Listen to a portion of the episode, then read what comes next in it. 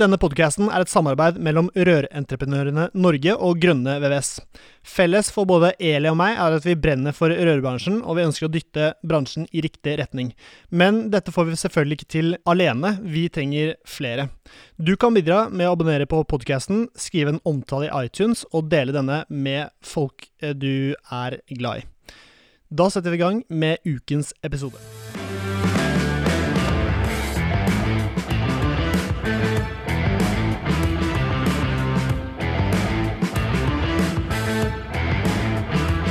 Hei og hjertelig velkommen til en ny episode av Bare Rør med Eli Hermine Heidal Eide fra Rør-Norge og Severin Poppe fra Grønne VVS. Eli, hvordan er eh, ståa? Du kom deg så vidt eh, hit i dag, det litt, og det gjorde jeg òg, for så vidt. Det var eh, kø fra alle, alle, kanter, og vi var i samme kø. Mm -hmm. Og vi klarte det akkurat.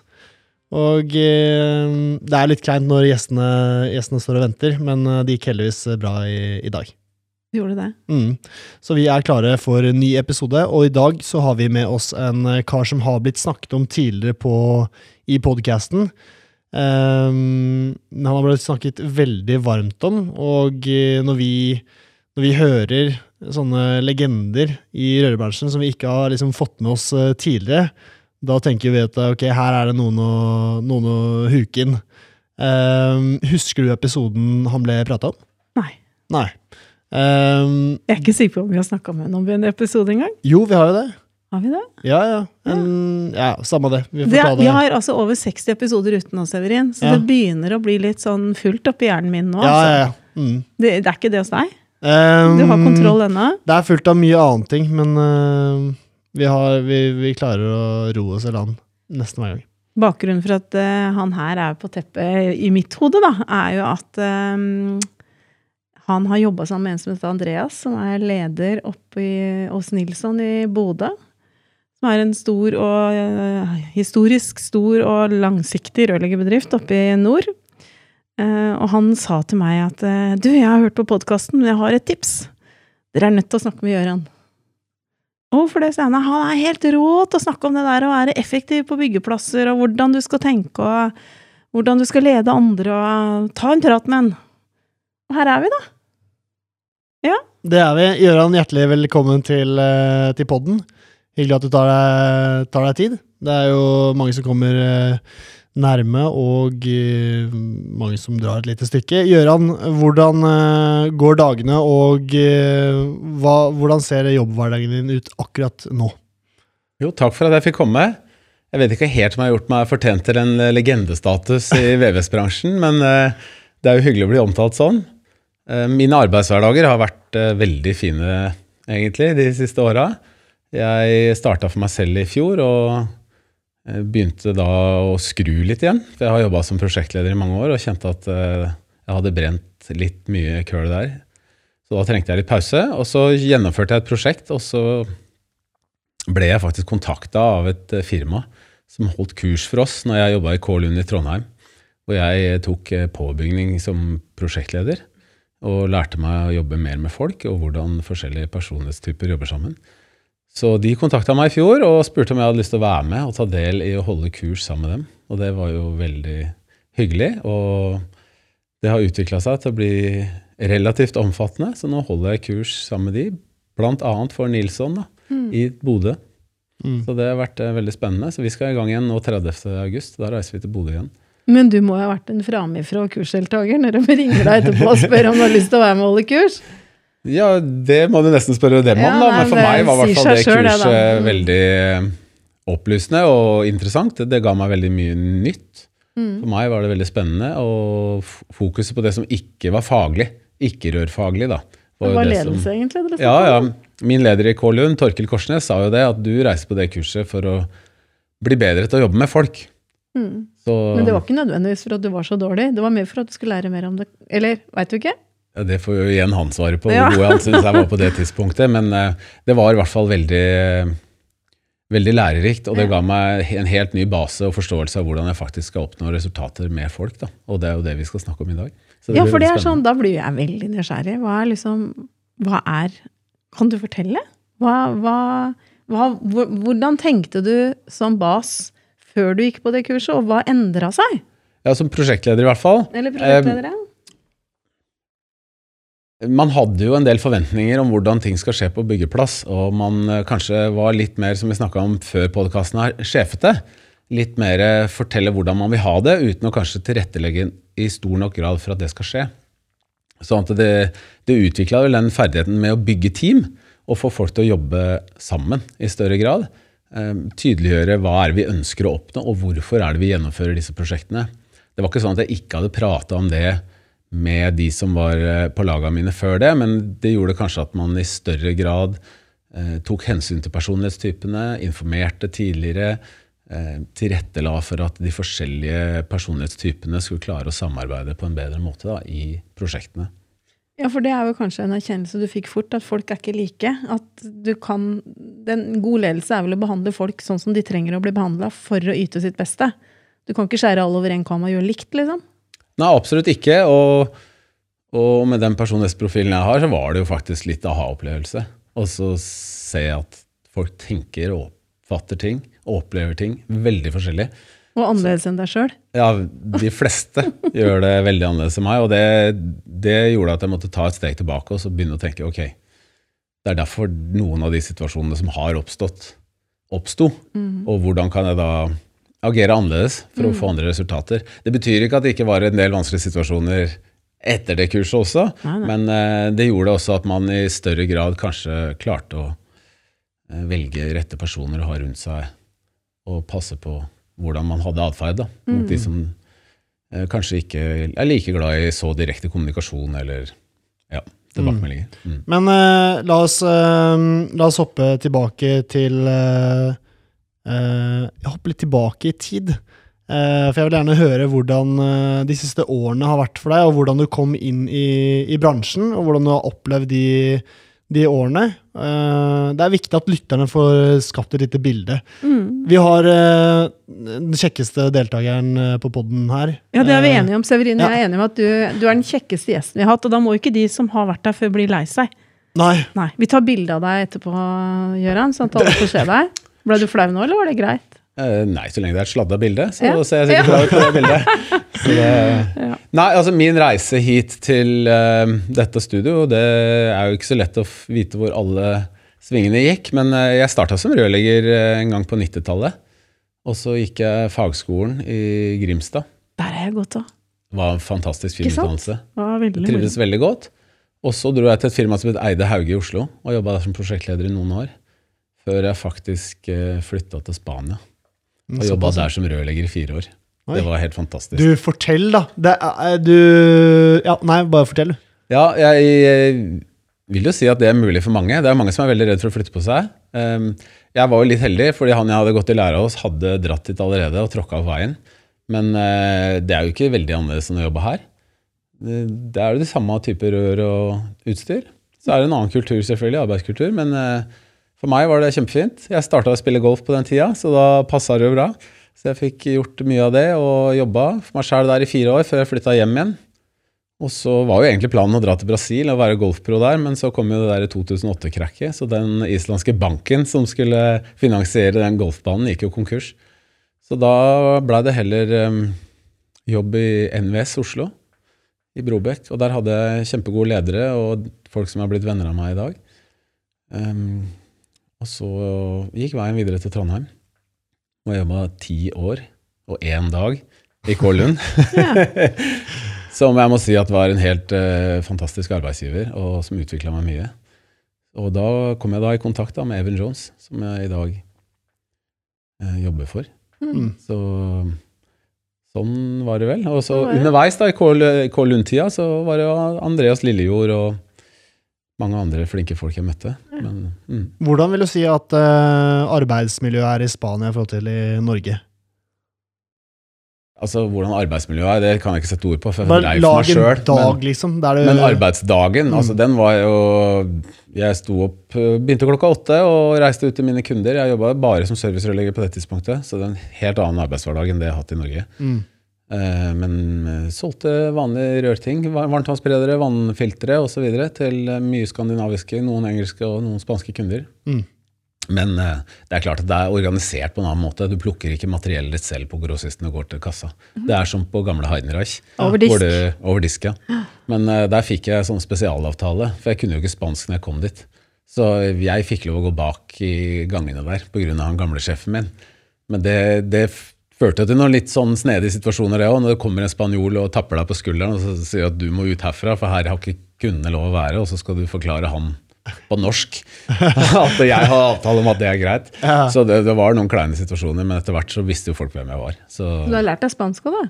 ja, nå snakker jeg ganske, ganske bra spansk. Ja. Ja, eh, Og eh, K. Lund, eh, du fremsnakker jo dem veldig. Hva er det som gjør dem til en, eller den bedriften til en jækla god bedrift? Ja, det er et godt spørsmål. Det tror jeg vi har Vi, sier jeg da, i K. Lund stilte oss spørsmål om mange ganger òg. Jeg tror det er mye kultur. De har jobba mye med kultur. Um, og Torkil spesielt innførte jo det som han kaller verdibasert ledelse. Så verdiene til K. Lund er jo solid, synlig, stolt. Og det, det syns jeg var veldig bra, for det fatter på en måte om alle situasjoner. Det omfatter ikke bare. Regler er jo veldig spesifikke. det er ikke bare om å bygge solide rørsystemer, liksom. Det handler Nei, om hele solid pakka. atferd, ikke sant? Du Stolt oppfører atferd. ordentlig, ja. Så være en synlig faktor i Trondheim. Da. Så det, måten det er blitt jobba på der, eh, er vel grunnen til at den bedriften også har lykkes. Det er vanskelig å sette fingeren på hva det er, for vi, vi jobba forskjellig inne i bedriften. Og det tror jeg nok de gjør den dag i dag òg. Men det er litt det med at alle veit hva rammebetingelsene for å drive er. Forutsigbart. Mm. Hvis du, hvis du ser for deg at eh, jeg driver et eh, firma på 100 pers, og ting går sånn halvgreit, og du tenker at det har noe med, med kjemien blant de ansatte, hva ville du tenkt? Uh, som jo er en guru på feltet. Hva ville Ja, du tenkt at nå burde tweake på akkurat det greiene der? Eh, akkurat med 100 stykker så er vel ikke jeg Jeg vil ikke kalle meg guru på noe som helst, men eh, jeg innafor de rørleggerlagene jeg hadde, i hvert fall, når det gnissa Som var på hvor mange ja, pers? Vi var fra 5 til 30 mann. Ja, okay. Litt avhengig av Men det er et, et, altså et godt lag på fem vet du, produserer jo for ti. Så at eh, Ja. Det er jo ikke alltid sammenheng mellom eh, hvor store prosjektene er og hvor mange folk du har. Så noen ganger kan du jo heller ha små lag som er veldig effektive og jobber godt. Dere har jo snakka om akkord, skjønte jeg, og det er jo en del av det. Å få det til. Mm. Selv om det ikke var noe mål i seg sjøl å underbemanne. Men tilbake til det å få ting til å fungere, så tenker jeg det starter jo egentlig før det begynner å gå galt. For hvis når det har begynt å gå galt, da er det på en måte litt seint ute. Det, for at som prosjektleder så starter du å bygge kultur eh, Hvis du har et lag fast, så kan du begynne å jobbe med det. Og hvis det går galt med det, og det har jeg opplevd, at, at hele akkordlag har blitt oppløst. Jeg har da fått mange dårlige tilbakemeldinger i løpet av livet, og det er jo en del av det å være leder òg. Du tar ikke bare beslutninger som alle er glad for. Det er ikke noen popularitetskonkurranse å være leder. Eh, Så, så det har kosta noen ganger. Du kan ikke være kompis med alle, liksom. Åssen er det nei. å være leder og kompis? Ja, det er helt det uproblematisk. Ja. Det syns jeg var helt uproblematisk. Eh, Jeg er venn og kompis med flere av de gutta jeg jobba sammen med i Kålund enda. Mm. Altså, vi har kontakt. Eh, Det er bare å skille roller. Altså, og det, det har alltid vært enkelt for meg. Altså, Når jeg er på jobben, så er det lederen som har ansvaret. Det er en flat organisasjon, men når det er behov for å være sjef, så fattes det beslutninger øverst, og så blir det sånn. Mm. Men man prøver jo å inn, involvere alle i det, og det var kanskje litt av det poenget som du spurte om. Når det er problematisk. Eh, Det starter vel egentlig med å bygge en kultur for hvordan man vil ha det. Og hvis du spør ledere i dag, og sjefer òg, hva slags kultur vil de ha, så har de ikke et bevisst forhold til det. Og da blir det veldig vanskelig. Men nå sa du leder nå og sjefer, Yes. ikke sant? For det skiller du på. Jeg skiller på det. Å utvide, utvise lederskap og utvide, utvide, å være sjef. Altså, sjefer fatter bare beslutninger på vegne av andre og forteller hva de skal gjøre, mens ledere kanskje i større grad involverer de som er en del av prosessen, skaper eierskap og sørger for at folk um, får lov Tar å komme ansvar. Ja, tar ansvar og får lov å faktisk bruke sin kompetanse da, til, å, til å utøve faget sitt. Jeg har veldig trua på det. At jo lenger ned i en eh, organisasjon du tar beslutningen, jo større sjanse er det for at den beslutningen er riktig. Og de kommer til å gjøre en mye større innsats for å vise at min beslutning var den riktige beslutningen. Ja, enn hvis du bare har fått tredd noe over. Nettopp. For at hvis jeg har, eh, som leder har tatt en, eller som sjef da, i den situasjonen har tatt, tatt en beslutning og sagt at sånn er det, og hvis den da viser seg at den ikke er helt optimal, og den er litt sånn arbeidskrevende og kjip for de som står ute, For det er en del folk som står i vinden ute pga. dårlige beslutninger. Så er det ikke sikkert at de står der på overtid og sørger for at det, det går i hop. Men det gjør det kanskje i større grad hvis det er ens egen beslutning. Mm. Men eh, altså, ting for å lykkes sånn i arbeidsmiljøet da, er jo å involvere folk tidlig. Ikke bare i selve byggeprosjektet, men det å involvere dem i teambygging. Altså hvordan skal vi være som gruppe? Hvem er det vi er som gruppe, og hva er det vi står for? Både sammen og enkeltvis. Eh, Fordi eh, jeg har sett i, i laga våre at uh, folk kan ikke utstå hverandre. De liker hverandre rett og slett ikke, for at folk har ikke riktig kjemi. De har så forskjellig måte å tilnærme seg en problemstilling på og en arbeidshverdag på at det er problematisk. Og det er du nødt til å løse opp i. Du, og Ja, det, det er jo ikke nok å bare ta en person ut da, egentlig. Du er nødt til å finne ut åssen du skal løse det. Ja, for det vi ser veldig ofte, det er jo at uh, de bare blir sendt tilbake til verksted. Og så han her funker ikke. Han vil ikke jeg ha på mitt lag. Jeg veit ikke om hvor mange ganger jeg har sett det. Prosjektledere som bare Nei, han skal ikke ha på mitt lag. Jeg liker han ikke, eller han er ræva, eller Men det er jo ikke en god, varig løsning, varig jeg. Det er ikke jeg en varig løsning, for da er en annen en som får den. Så det handler da om å sette seg ned med disse folka da, og påpeke hva er problemet her. Hvorfor ser du det sånn, hvorfor ser du det sånn? Mm. Sånn at vi kan eh, Og kanskje til og med ta en personlighetstest, da, sånn som vi gjorde på alle våre rørleggere, for å se Eller i hvert fall i det ene Hva du treffer på, liksom. Ja, og Mm. hva er problemstillingene knytta til måten du tenker på. Så, så det er, der er det mange ting. Så å jobbe med kultur, hva slags uh, tilbakemeldingskultur vil vi ha? Snakker vi når vi snakker om andre? Alle er jo i en situasjon hvor de vil snakke om noe som har skjedd på et annet prosjekt. En av tingene vi gjorde da, istedenfor å si når jeg var på byggeplass 1 eh, sammen med bas nummer én, så sa han sånn og gjorde sånn, og det likte ikke jeg. Isteden så bare anonymiserte vi alt. Jeg har en gang vært på en byggeplass sammen med en bas, og han gjorde sånn, og det likte jeg ikke. Så vil man kunne forstå hvem det er han snakker om. Ja, men Men da har du i hvert fall gjort gjort det du kan for å anonymisere han. Og det ganske fort skapte en trygghet i gruppa. For når vi snakka internt i gruppa, hvis det var en konflikt eller noe man ikke likte, eller sånn, og man ikke hadde lyst til å involvere den personen i den samtalen, eller hadde mulighet til å ha den i nærheten, så valgte vi å anonymisere så langt det var nødvendig. Og så til slutt så står man igjen med en trygghet hvor man vet at når du sier noe om meg, så sier du det i beste mening. Så da kan du bruke navnet mitt så mye du vil, for at du angriper meg ikke. Når du påpeker en feil eller noe bra jeg har gjort, så vet jeg at det gjør du bare for å løfte meg opp og løfte teamet. Så det er å bygge kultur. Så vi jobba mye med det. Mye med å få kulturen på plass. For når du får kultur for sånne ting på plass, da begynner det å skje ting. Ja, og skje ting, da tenker jeg sånn Hvis jeg hadde vært arbeidsgiver, så hadde jeg vært opptatt av at eh, prosjektlederne og basene mine og alle de ansatte Enten enten er en liten eller stor bedrift. Altså et prosjekt er jo bare som et firma. Om det er tre mennesker på den jobben, eller om det er 30, så er det jo bare Det er jo som et firma. Mm. Da hadde jo jeg tenkt at eh, jeg vil jo at det skal fungere, for at jeg, du leiker jo ikke butikk heller. Altså du driver jo bedrift også for å tjene penger. Og de ansatte som jobber i den bedriften, har jo mye bedre på jobb hvis bedriften tjener penger, for da blir det rom for veldig mye mer. Det er jo en god sirkel å komme inn i, da, og begynne å tenke i de baner. For det er jo det å være en god prosjektleder, er å kunne lede, og så handler det vel om å bli, altså sørge for at man er effektiv. Men det snakka jo litt om før du kom her òg, at vi må finne ut liksom Åssen kan vi snakke om det der å være effektiv på byggeplass? Er det, er det noen konkrete grep?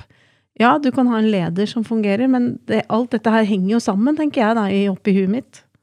Ja, absolutt. Um, og det er viktig å dele det der med effektivitet og organisering i litt forskjellige deler når man skal angripe det, altså, og se hvor er det faktisk skoen trykker. Er det i lederleddet man er ineffektiv? For det ser man jo ofte, at prosjektlederen er ineffektiv. Han er ineffektiv i når han gir informasjon, hvilken type informasjon han gir, hvilke, eh, hvordan han har organisert seg, hvilke folk han har hvor, hvordan hele strukturen på laget er. Sånn at prosjektlederen har veldig mye han kan bli bedre på av det jeg har sett opp gjennom åra. At eh, leder, lederskapet kan bli veldig mye bedre. Men jeg tror de fleste ledere har jo veldig lyst til å se ned i det utførende leddet og så si ok, her jobbes det for treigt, for, for vi har for dårlig økonomi. Det går for mange timer.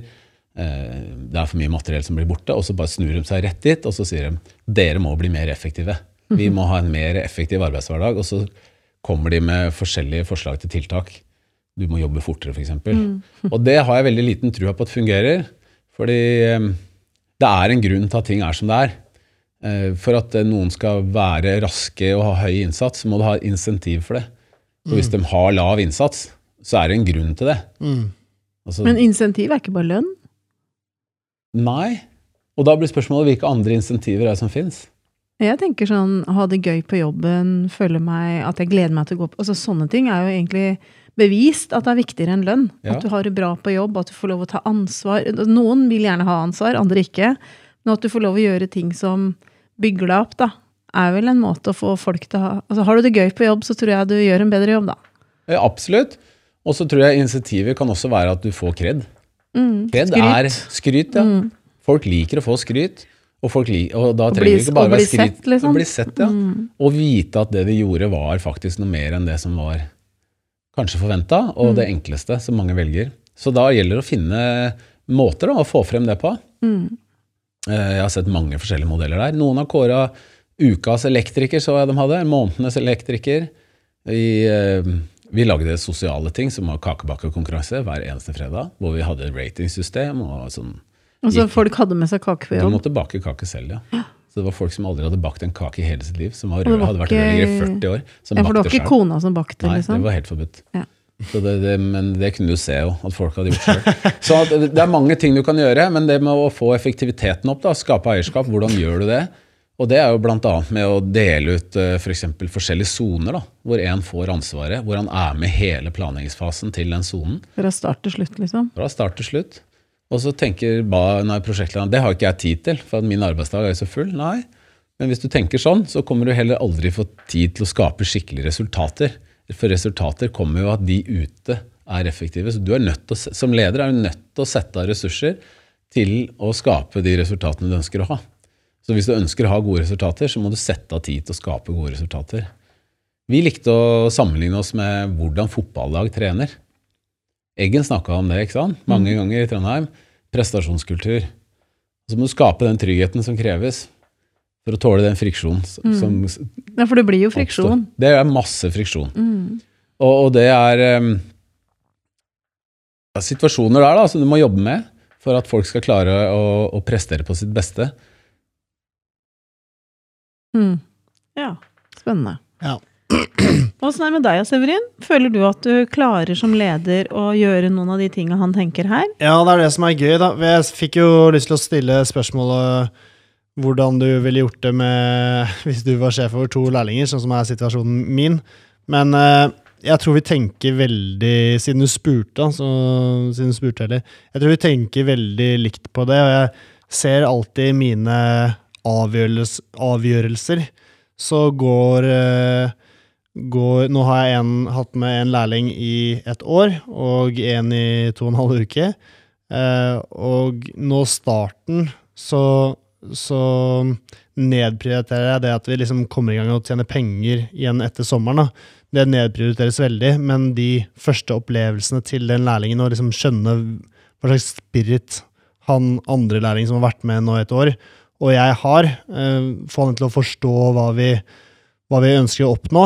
Um, det vektlegger jeg nokså Det vektlegger jeg mye, og det går ekstra tid på å liksom uh, få han til å skjønne det, da. Uh, for jeg så det fungerte veldig godt for et år siden, da jeg hadde med RC-en for første gang, og vi Mhm. brukte mye tid der. Og så begynte ballen å trille, da. Og så jobbet vi plutselig veldig godt sammen fordi vi hadde brukt så mye Vi hadde bygget et grunnlag der. Mm, Vi hadde bygget et grunnlag der hvor han forsto meg veldig godt, og ehm, ja. det- Veit du hva du forventer? Ja, stemmer. Og, Forventer er jo et bra ord. Mm. Forventningsavklaring er et veldig bra ord, mm, som for mange ikke gjør noe av. Altså Man har ikke en forventningsavklaring når man begynner en bedrift. Men det blir jo akkurat det samme som at eh, hvis du inviterer Hvis jeg skulle hatt med dere to på hyttetur, da, og så sa jeg vi møtes på den hytta der, eh, da. Så ville jo alle da, hvis du ikke fortalte noe om veien fram til den hytta, så kan det hende at du hadde brukt veldig mye lengre tid enn Severin, og jeg hadde bare gått rett på, liksom. Altså at det, hvis du ikke forteller noe om målet og veien og hvor du skal hen, så kan det hende at uh, veien fram kan bli mye gnisninger, da, som du nevnte i stad. Ja, absolutt. Men det med eh, lærlinger, da, og det kan du jo nesten uh, sammenligne litt med nye folk til et anlegg. vet du, hva, må ikke få den bitte litt opp, for det er jævla viktig det at alle får, seg, får med seg Mikrofon er viktig, Severin. Eh, eh, Det å få en ny mann til et prosjekt kan jo sammenlignes litt med å få en ny lærling for deg. Eh, Det, det er kjempeviktig. Den tida du har i starten. Alle er veldig mottagelige for informasjon i starten. Sånn at det man bruker den til forventningsavklaringer og forteller litt om hva som faktisk er nødvendig for at man skal lykkes. Og i prosjekt, da, som det jeg har drevet med, så var vi veldig på det. At når det kom nye folk til prosjektet, så skulle de innom mitt kontor. Det var, var ikke snakk om at de skulle ut på prosjektet først. For det starter der. Dette begynte også K. Lund med med alle lærlinger. Det første som skjer, er at de kommer inn på kontoret, og så snakker de med ledelsen. Lærer seg om solid synlig stolt. Lærer seg om hva er det vi driver med, og forskjellen på å være til hjelp og ikke til hjelp. Torkil hadde et veldig fint uttrykk på det. Altså Prosjektlederen har 1000 ting å gjøre. Du kan bli nummer 1001, eller du kan gjøre sånn at det er 999. Ja. Så du kan gjøre forskjellen der. Så det er sånn, en sånn kultur som du må få inn. Og så litt tilbake igjen til det vi snakka om i stad, med å informere og la de bli en del av prosessen. Og at prosjektlederne må sette av tid til å, å involvere. Det vi gjorde, da, for å helt konkretisere det, var jo å ta inn folk til et sånt oppstartsmøte for det området. Hvis det var en kontorfløy eller teknisk rom eller en etasje eller en sjakt som skulle startes på, så starta vi med det noen uker i forveien. Med gjennomgang av tegningene, deres tanker, hvilke materialer, gikk befaring, gikk ut, gjorde oss klar med hvilke sjekklister som skal brukes, hva som var forventninger til når de skal fylles ut, bildedokumentasjon osv. Så, så brukte vi kanskje en time eller to timer på det første gangen. Og så når det nærma seg oppgaven, som regel i hvert fall, så tok vi en sånn kort gjennomgang igjen. Hvor vi da No repeat. en repeat, ja. Og da var det gjerne sånn at hvis vi hadde en oppgaveansvarlig rørlegger som var da under basen, han kunne da ha ansvar for, for én, to, tre andre rørleggere igjen. Så at vi prøvde å fordele den nedover så langt som mulig i organisasjonen. Make me feel important, vet du. Det handler jo om det. Å få folk til å føle seg viktig. Altså, sånn som når du har lærlinger nå, Severin. Når den nye lærlingen din utfører sin første oppgave om en stund, helt selvstendig, eller et, tilsyn av deg, da, så er det noe med at du etter hvert som du begynner å få ansvar, så føler du deg mye mer viktig, og da gjør du en bedre jobb. Mm. Det er så jævlig kult, fordi um, Arsen han har jo vært med, og han Du bare ser den jævlig gode progresjonen nå gjennom det siste året. Han sender meldinger og ringer på søndager, lurer på hva som uh, Skjer i morgen, ja. Ja, nei, ikke bare i morgen, men uh, om en uke, og liksom hvilke planer vi har, og full pakke. Og da bygger vi Da skaper vi jo noe sammen, ikke sant. Vi, Jeg har min posisjon, og han har sin posisjon. Han har de tingene han må lære, og ja, men vi bygger liksom For min del er det firma, da, uh, og får det til å pushe. Og vi lager hverdagen vår mye bedre selv, altså uh, sammen. Um, og uh, at han ser det, er jeg jævlig imponert over. Så, men det er jo det, det grunnleggende arbeidet vi har gjort sammen, da, og fordi han er jævla smart. Så ja, Men det er hjelper jo ikke å være smart. Altså Eierskap oppstår jo ikke at det er smart. Det er masse smarte folk som ikke gjør de rette tinga. Så det er helt tydelig at dere har jobba med noen av de tinga som har skapt eierskap hos han. For det er følelser han har for din bedrift som gjør at han er villig til å tenke på jobben når han ikke får betalt for det på en søndag. Og til og med ta opp telefonen for å sjekke ut hva som skal skje i morgen. Da har du kommet veldig, veldig langt på vei Ja. med å oppnå de resultatene du vil. For det, det som er så fint med det der, er at da vil han være helt påskrudd hele tida når han er på jobb også. Da vil han, altså To hjerner vil alltid være bedre enn én. Så den faren med å ha veldig tydelig lederskap, i form av at det er alltid en som beslutter, om det er prosjektleder eller bas, det medfører jo en del risiko. da. Du mister en hjerne. Ja, og hvis du er et prosjekt da, med 10-20 mann, da, så hvis det er 20 mann som går ut, så er det 40 øyne da, som går rundt og spaner på ting rundt på prosjektet. Og det er klart at hvis folk føler eierskap da, så vil de kunne fange opp ganske mange ting som foregår rundt i et stort bygg, kontra at det er basen alene som skal holde den oversikten, og alle andre tenker bare at det der er ikke mitt ansvar, det er basens ansvar. Så det å skape en kultur da, hvor alle er en del av, av noe, og det er også mange måter å gjøre det på, men eh, en av de måtene vi hadde suksess på, var å starte med oppstartsmøter og fortelle om hva slags prosjekt er det her. Et av prosjektene vi hadde, var Sirkus Shopping, som er ganske stort i Trondheim. Og det er ganske sånn, kan oppleves litt meningsløst når du skal legge sprinklerrør nede i en eh, parkeringskjeller på 15 000 kvadratmeter. Det kan være ganske kjedelig. Men hvis du har en forståelse av hva er det dette her kjøpesenteret er for noe, det er et sted hvor kanskje alle, samtlige personer i Trøndelag kommer til å være innom en gang. i løpet av den Alle neste kommer til å se hva du har gjort. Alle kommer til å se hva du har gjort, og det er jo det ene. Men alle kommer til å dra hit og kjøpe julegaver. Ikke sant? Mm. Så det er en viktig del av en by. Det er ikke sånn at det bare er sprinkleranlegg du bygger. Du bygger et sted hvor folk samles. Hvor du kommer til å be med deg ei jente og spise en lunsj en dag, ikke sant? Om tre år. Altså Det skjer ting. Så det er noe mer enn å bare bygge et kjøpesenter. Du bygger noe som er viktig for byen. Og det å klare å sette følelser på sånt, eh, sånn som når du bygger en skole, hvor viktig den er for den bydelen her. ikke sant? Her skal det gå tusenvis av barn og lære om Kanskje til og med dine egne barn en gang. Kanskje dine egne barn en gang. Og, og, og det å klare å lage et sånt eierskap, da, knytte følelser til sånne prosjekter, som kan være litt store og litt langt fra deg sjøl, gjør at folk eh, får en helt annen eierskap. Nå kom jeg plutselig på en rar ting. Altså, det er begynner å bli noen år siden de bygde en ny Ikea på Slepeenden her uh, utafor. 15-12 Jeg bodde ved siden av den Ikeaen i mange år. Jeg. Jeg husker når de drev og bygde det. Da var det jo NUS, eller Assemblin, da, som bygde. Min tidligere arbeidsgiver. Og du er kanskje litt rørnerd når du går og kikker på rør på en, en halvåpen eh, byggeplass sånn, Litt. men jeg så jo noe jeg syntes var veldig rart, og sendte melding til sjefen sjøl. Og bare eh, 'Dette må du sjekke opp'. Og det var ikke for å være slem, det var rein omsorg. Og litt sånn derre ja, Jeg føler fortsatt et eierskap til et firma som jeg har et godt forhold til, liksom. Det, der, det må jo lykkes med det, da. Med meg, i hvert fall. Jeg kjente på den nå. Jeg har ikke tenkt på det sånn. Det var jo rein omsorg.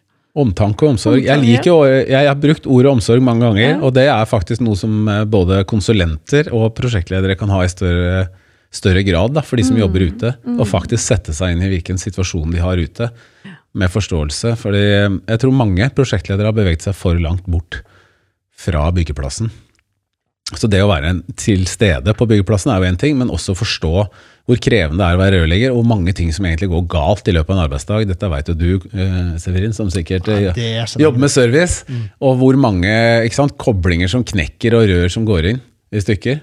Altså ting som mangler, og så må du dra og hente en del eller et eller Og annet. ikke hvor mye sant? tid det tar. Og et verktøy som mangler, en kappskive som mangler på en byggeplass. da.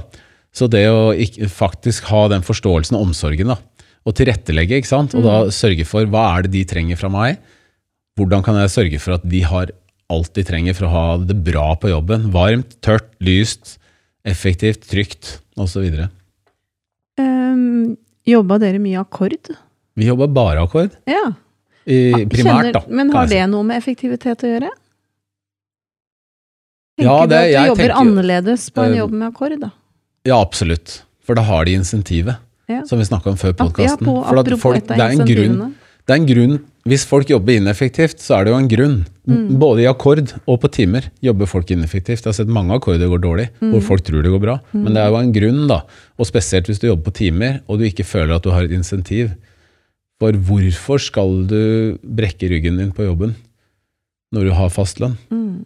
Hvorfor skal du springe i trappene? Det er jo et legitimt spørsmål å stille seg, og det, det må ledere som har timeansatte folk stille seg. Hvorfor skal de jobbe fortere enn det de gjør i dag? Det er Så- ikke noe god grunn, liksom. Nei, men jeg, hvis, hvis det ikke finnes et insentiv til der, så klarer ikke jeg å komme på en god grunn akkurat nå. Hvis de får ting av gjort, men, eh, og ikke får noe mer. For du må få noe for å gjøre noe ekstra. Mm. Så det er jo klart, Hvis du underpresterer, så er det tid for å snakke sammen. Men eh, du, du, du får ikke eh, folk på toppnivå uten å gi dem noe ekstra. Nei. Alle på toppnivå her i verden får noe ekstra for å være på toppnivå. Se på en fotballspiller, da. Det er jo ganske enkelt. Ja, det er helt galskap, egentlig. Ja, de er det galskap med, men uh, igjen da, hvis du er flink Ja, og gjør noe utover du. det som er forventa, så bør du også få noe for det. Så det bør finnes et system for det. Så du sier egentlig at det er de beste rørleggerne som jobber akkord, da? Eh, Det veit jeg jo ikke, for det De fins som sikkert trives vanvittig best på jobben. Jeg tror jo det fins akkurat like flinke folk dessverre som jobber på timer og ikke får noe igjen for å være så flinke. Det tror jeg nok. Og det, jeg mener akkord er veldig bra, men det har også sine baksider. Hva er de, da? Vi har jo snakka litt om akkord her tidligere, nemlig. Det er liksom Ja, jeg greit tror ikke jeg skal forfekte for mye av det her, men eh, Nei. jeg tenker jo at eh, det er, det er krevende for folk som jobber hardt. Mm. Det er faktisk en ting. Det sliter på folk. Så det er viktig også. at man, eh, eh, Hvis man skal skape gode akkorder, så kan ikke det bare være gjennom innsats. Det må være gjennom god planlegging og organisering og gode verktøy også. Ja. Så her er det en balansegang.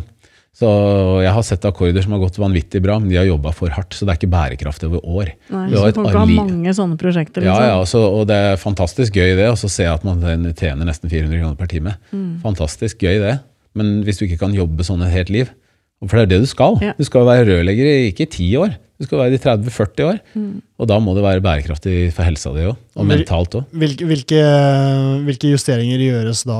Er det, sender de det på treningskurs for å bære riktig, riktigere, eller er det, må det jobbes saktere?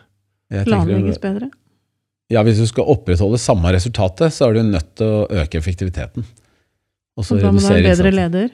Ja, da må du planlegge det bedre, og så må man se på det sammen. Så en av de tingene vi gjorde da, da, for å gå litt inn på det konkrete for hvordan man skal være mer effektiv i, eh, i arbeidshverdagen på byggeplass Som var- rørlegger. Som rørlegger, ja. Eller som håndverker generelt, da. Så starta vi å bygge en prestasjonskultur at, hvor vi sa at vi har lyst til å bli best. Hvor vi har lyst til å levere fantastisk bra. Eh, Gode resultater, bra akkord, godt produkt. Og så, hvis du skal få til det, så må du ha en del trygghet. For at du må tørre å feile, og så må du tørre å lære av hverandre. Og så må du kunne gi tilbakemeldinger på ting som ikke er bra. Og det er veldig sånn at hvis eh, noen observerer noe som ikke er gunstig, la oss si en eh, læregutt eller en tidlig rørlegger, jobber sammen med en som har vært rørlegger i 20 år, da, så skal du begynne å fortelle han at det du driver med, tror jeg ikke er helt effektivt. Så er ikke det alltid så enkelt. Nei, du kan det bli eh, kritikk, ja, ikke sant? Ja, og så kan det til og med bare mellom eh, to stykker som har like lang erfaring, så kan sånne tilbakemeldinger fungere veldig dårlig. Så vi brukte en del tid på å bli enige om at det er det vi ønsker å gjøre. Og så begynte vi å gå i sammen på det vi kalte både kvalitet og effektivitetsbefaringer. For at vi så at det var så stor forskjell mellom hvor fort forskjellige rørleggere skrudde. Så tenk, begynte vi å stille spørsmål men hvorfor er det sånn. Hva er det du gjør annerledes enn han andre? Og så begynte vi å gjøre det i positivt øye med sammen. Så da gikk vi ut og så på hva de forskjellige gjorde. Og da er det sånn arbeidsrekkefølge, arbeidsmetodikk, hvor orden de holder, hvor når de begynner å samle materiell, hvor de, eh, hvordan de organiserer Planlegging, rett og slett. Ja, og så søpla si, arbeidsrekkefølge, så ser du det er masse muligheter. Måten de monterer veggbokser på, måten de klamrer rør på, hva de gjør inn og ut av rør i rørskap. Så da, da kommer vi veldig ned på detaljene for hvordan man kan jobbe mer effektivt. Og det, det halverte jo arbeidstimene. Vi halverte jo arbeidstimene. Så det de brukte 15 timer på en leilighet, kom jo ned, ja, de kom jo faktisk ned i en tredjedel, for vi kom jo ned i fem timer ikke sant, på skjultanlegget på en leilighet, hvor vi starta på nesten 15. Så det er en, et enormt potensial da, for effektivisering. Har du noen tips for uh, servicemarkedet? Hvordan de kan være mer uh, effektive? Jeg har ikke jobba med service For, på eh, 25 år, jeg, så det, det er et vanskelig spørsmål for meg. Men det, det, det er jo klart at um, en servicerørlegger i en bedrift, så tenker jeg man må snakke om kultur igjen. da. Altså man, det er jo så stor forskjell i hva man gjør. Fordi der er det jo ingenting som er gjentagende, på en måte. Altså Det er jo ingen hus som er like, hvis du ikke da skal gjøre noe i et, et større boligprosjekt. Så tenker jeg at uh, man må snakke om kultur, og hva man har forventninger og ønsker om. Og hvordan vi skal agere i egen bedrift.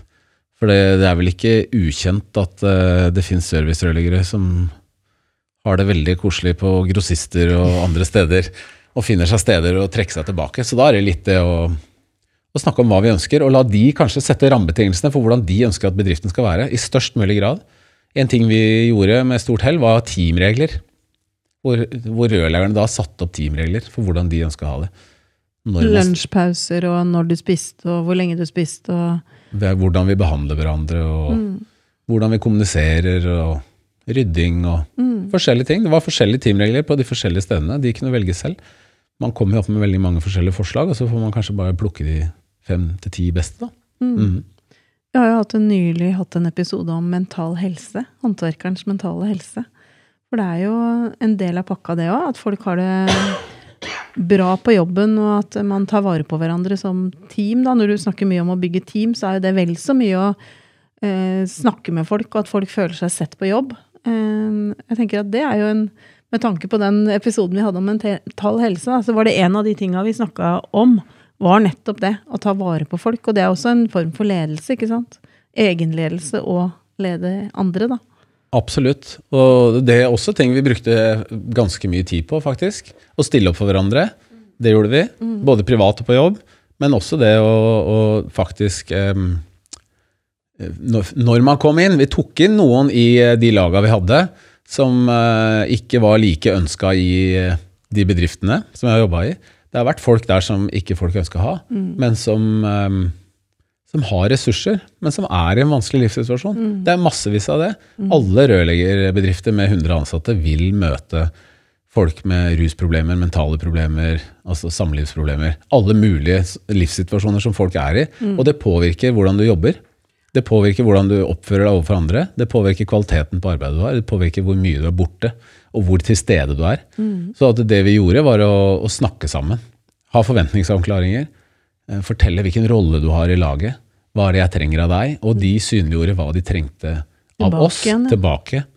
Um, kan du fortelle en historie om det? At um, en av de gutta jeg hadde, som var bas, han opplevde en kjempetraumatisk situasjon i en familie, hvor et familiemedlem døde. Um, veldig ungt familiemedlem døde, og han et halvt år etterpå plutselig fikk kjempeangst. Mm. Og så klarer han jo ikke å jobbe.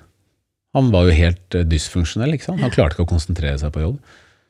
Og pga. den kulturen vi hadde skapt da, for å snakke sammen, og den respekten, så klarte han da etter samtaler med meg å samle seg og så begynne å snakke med, med gutta om det. Og han var basen vår, og det var, eh, det var helt vanvittig krevende. Men da fikk han jo forståelse for alle sammen. For han klarte jo ikke å pakke materiell engang. Klarte ikke å ta imot materiellet på jobben, for han var så stressa. For hjernen skrur jo bare helt av. Mm. Og da, gjennom noen samtaler der, så blei plutselig arbeidshverdagen hans en helt annen. Så den tryggheten du skaper da, gjennom, og, og den faktisk forståelsen av at alle har mental helse, og det som skjedde da, at da dukker det plutselig opp andre situasjoner igjen, som gjør at uh, andre kommer opp med ting som de snakker om som har vært problematisk, og så kan vi tilrettelegge og tilpasse oss sånn at de kan prestere bedre igjen. Så det, det her er kjempeviktig. Altså selv om ikke du som leder kanskje har hatt så mye problemer sjøl, så er det noe med å erkjenne at andre rundt deg kan ha både det ene og andre å slite med, da, å være der. Så mm, hm. Jeg syns nesten du fikk tårer i øynene, Severin. Ja, det er ikke langt ifra. Det det er lenge siden jeg, det er lenge siden jeg har konsentrert meg så mye, for jeg føler hver eneste setning er viktig å få med seg. Eh, nesten hvert eneste ord. Så jeg har prøvd å få med meg så mye som mulig. Eh, Denne podkasten kan jo du høre så mange ganger du vil, Severin. Ja, jeg, jeg tenkte ut eh, åtte personer jeg vet skal, eh, skal få denne pod Det er faktisk ikke ofte jeg sender ut podder, Nei. men denne tror jeg er eh, veldig givende for veldig mange å høre. Ja. Så åtte kompiser skal få denne episoden eh, sendt rett i øret på dem. Så Ja. det blir bra. Mm.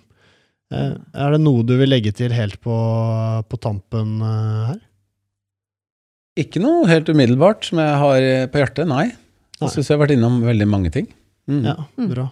Jeg er fortsatt spent på, på jobbing i Spania. Altså. Det hørtes jo bare sinnssykt deilig Jeg jeg skal få høre meg litt med lærlingene om hvordan det skal vi, skal vi bare flytte hele sjappa ned til Spania? Det må jo være noe de tenner på. Da skal jeg komme med et forslag til deg, for jeg har en kompis som driver i Torrevieja, som er skikkelig sugen på å være her litt. Bare bytter bytte litt, altså bytte bolig, Og bytte jobb.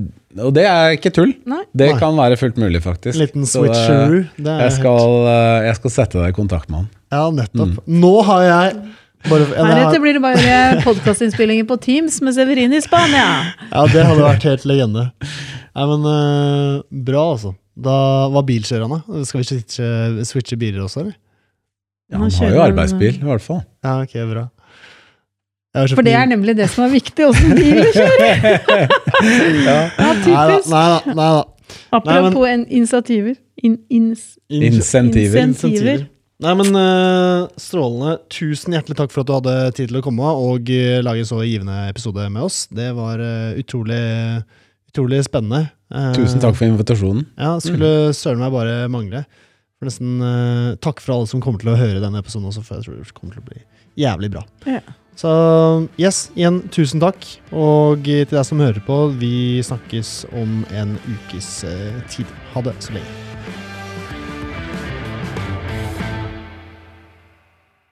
Halla, hvis du likte denne podkasten, hadde vi satt utrolig stor pris på om du abonnerte og gir oss en tilbakemelding i avspilleren. Eh, spre gjerne ordet videre til andre i rørbransjen som brenner for rørleggerfaget og er opptatt av å drive en seriøs rørleggerbedrift. Mitt navn er Severin Poppe Midteide, og med meg har jeg co-host Eli Hermine Heidal Eide. Sammen er vi to podkasten Bare Rør med Eli og Poppe. Et samarbeid mellom Grønne VVS og Rørentreprenørene Norge.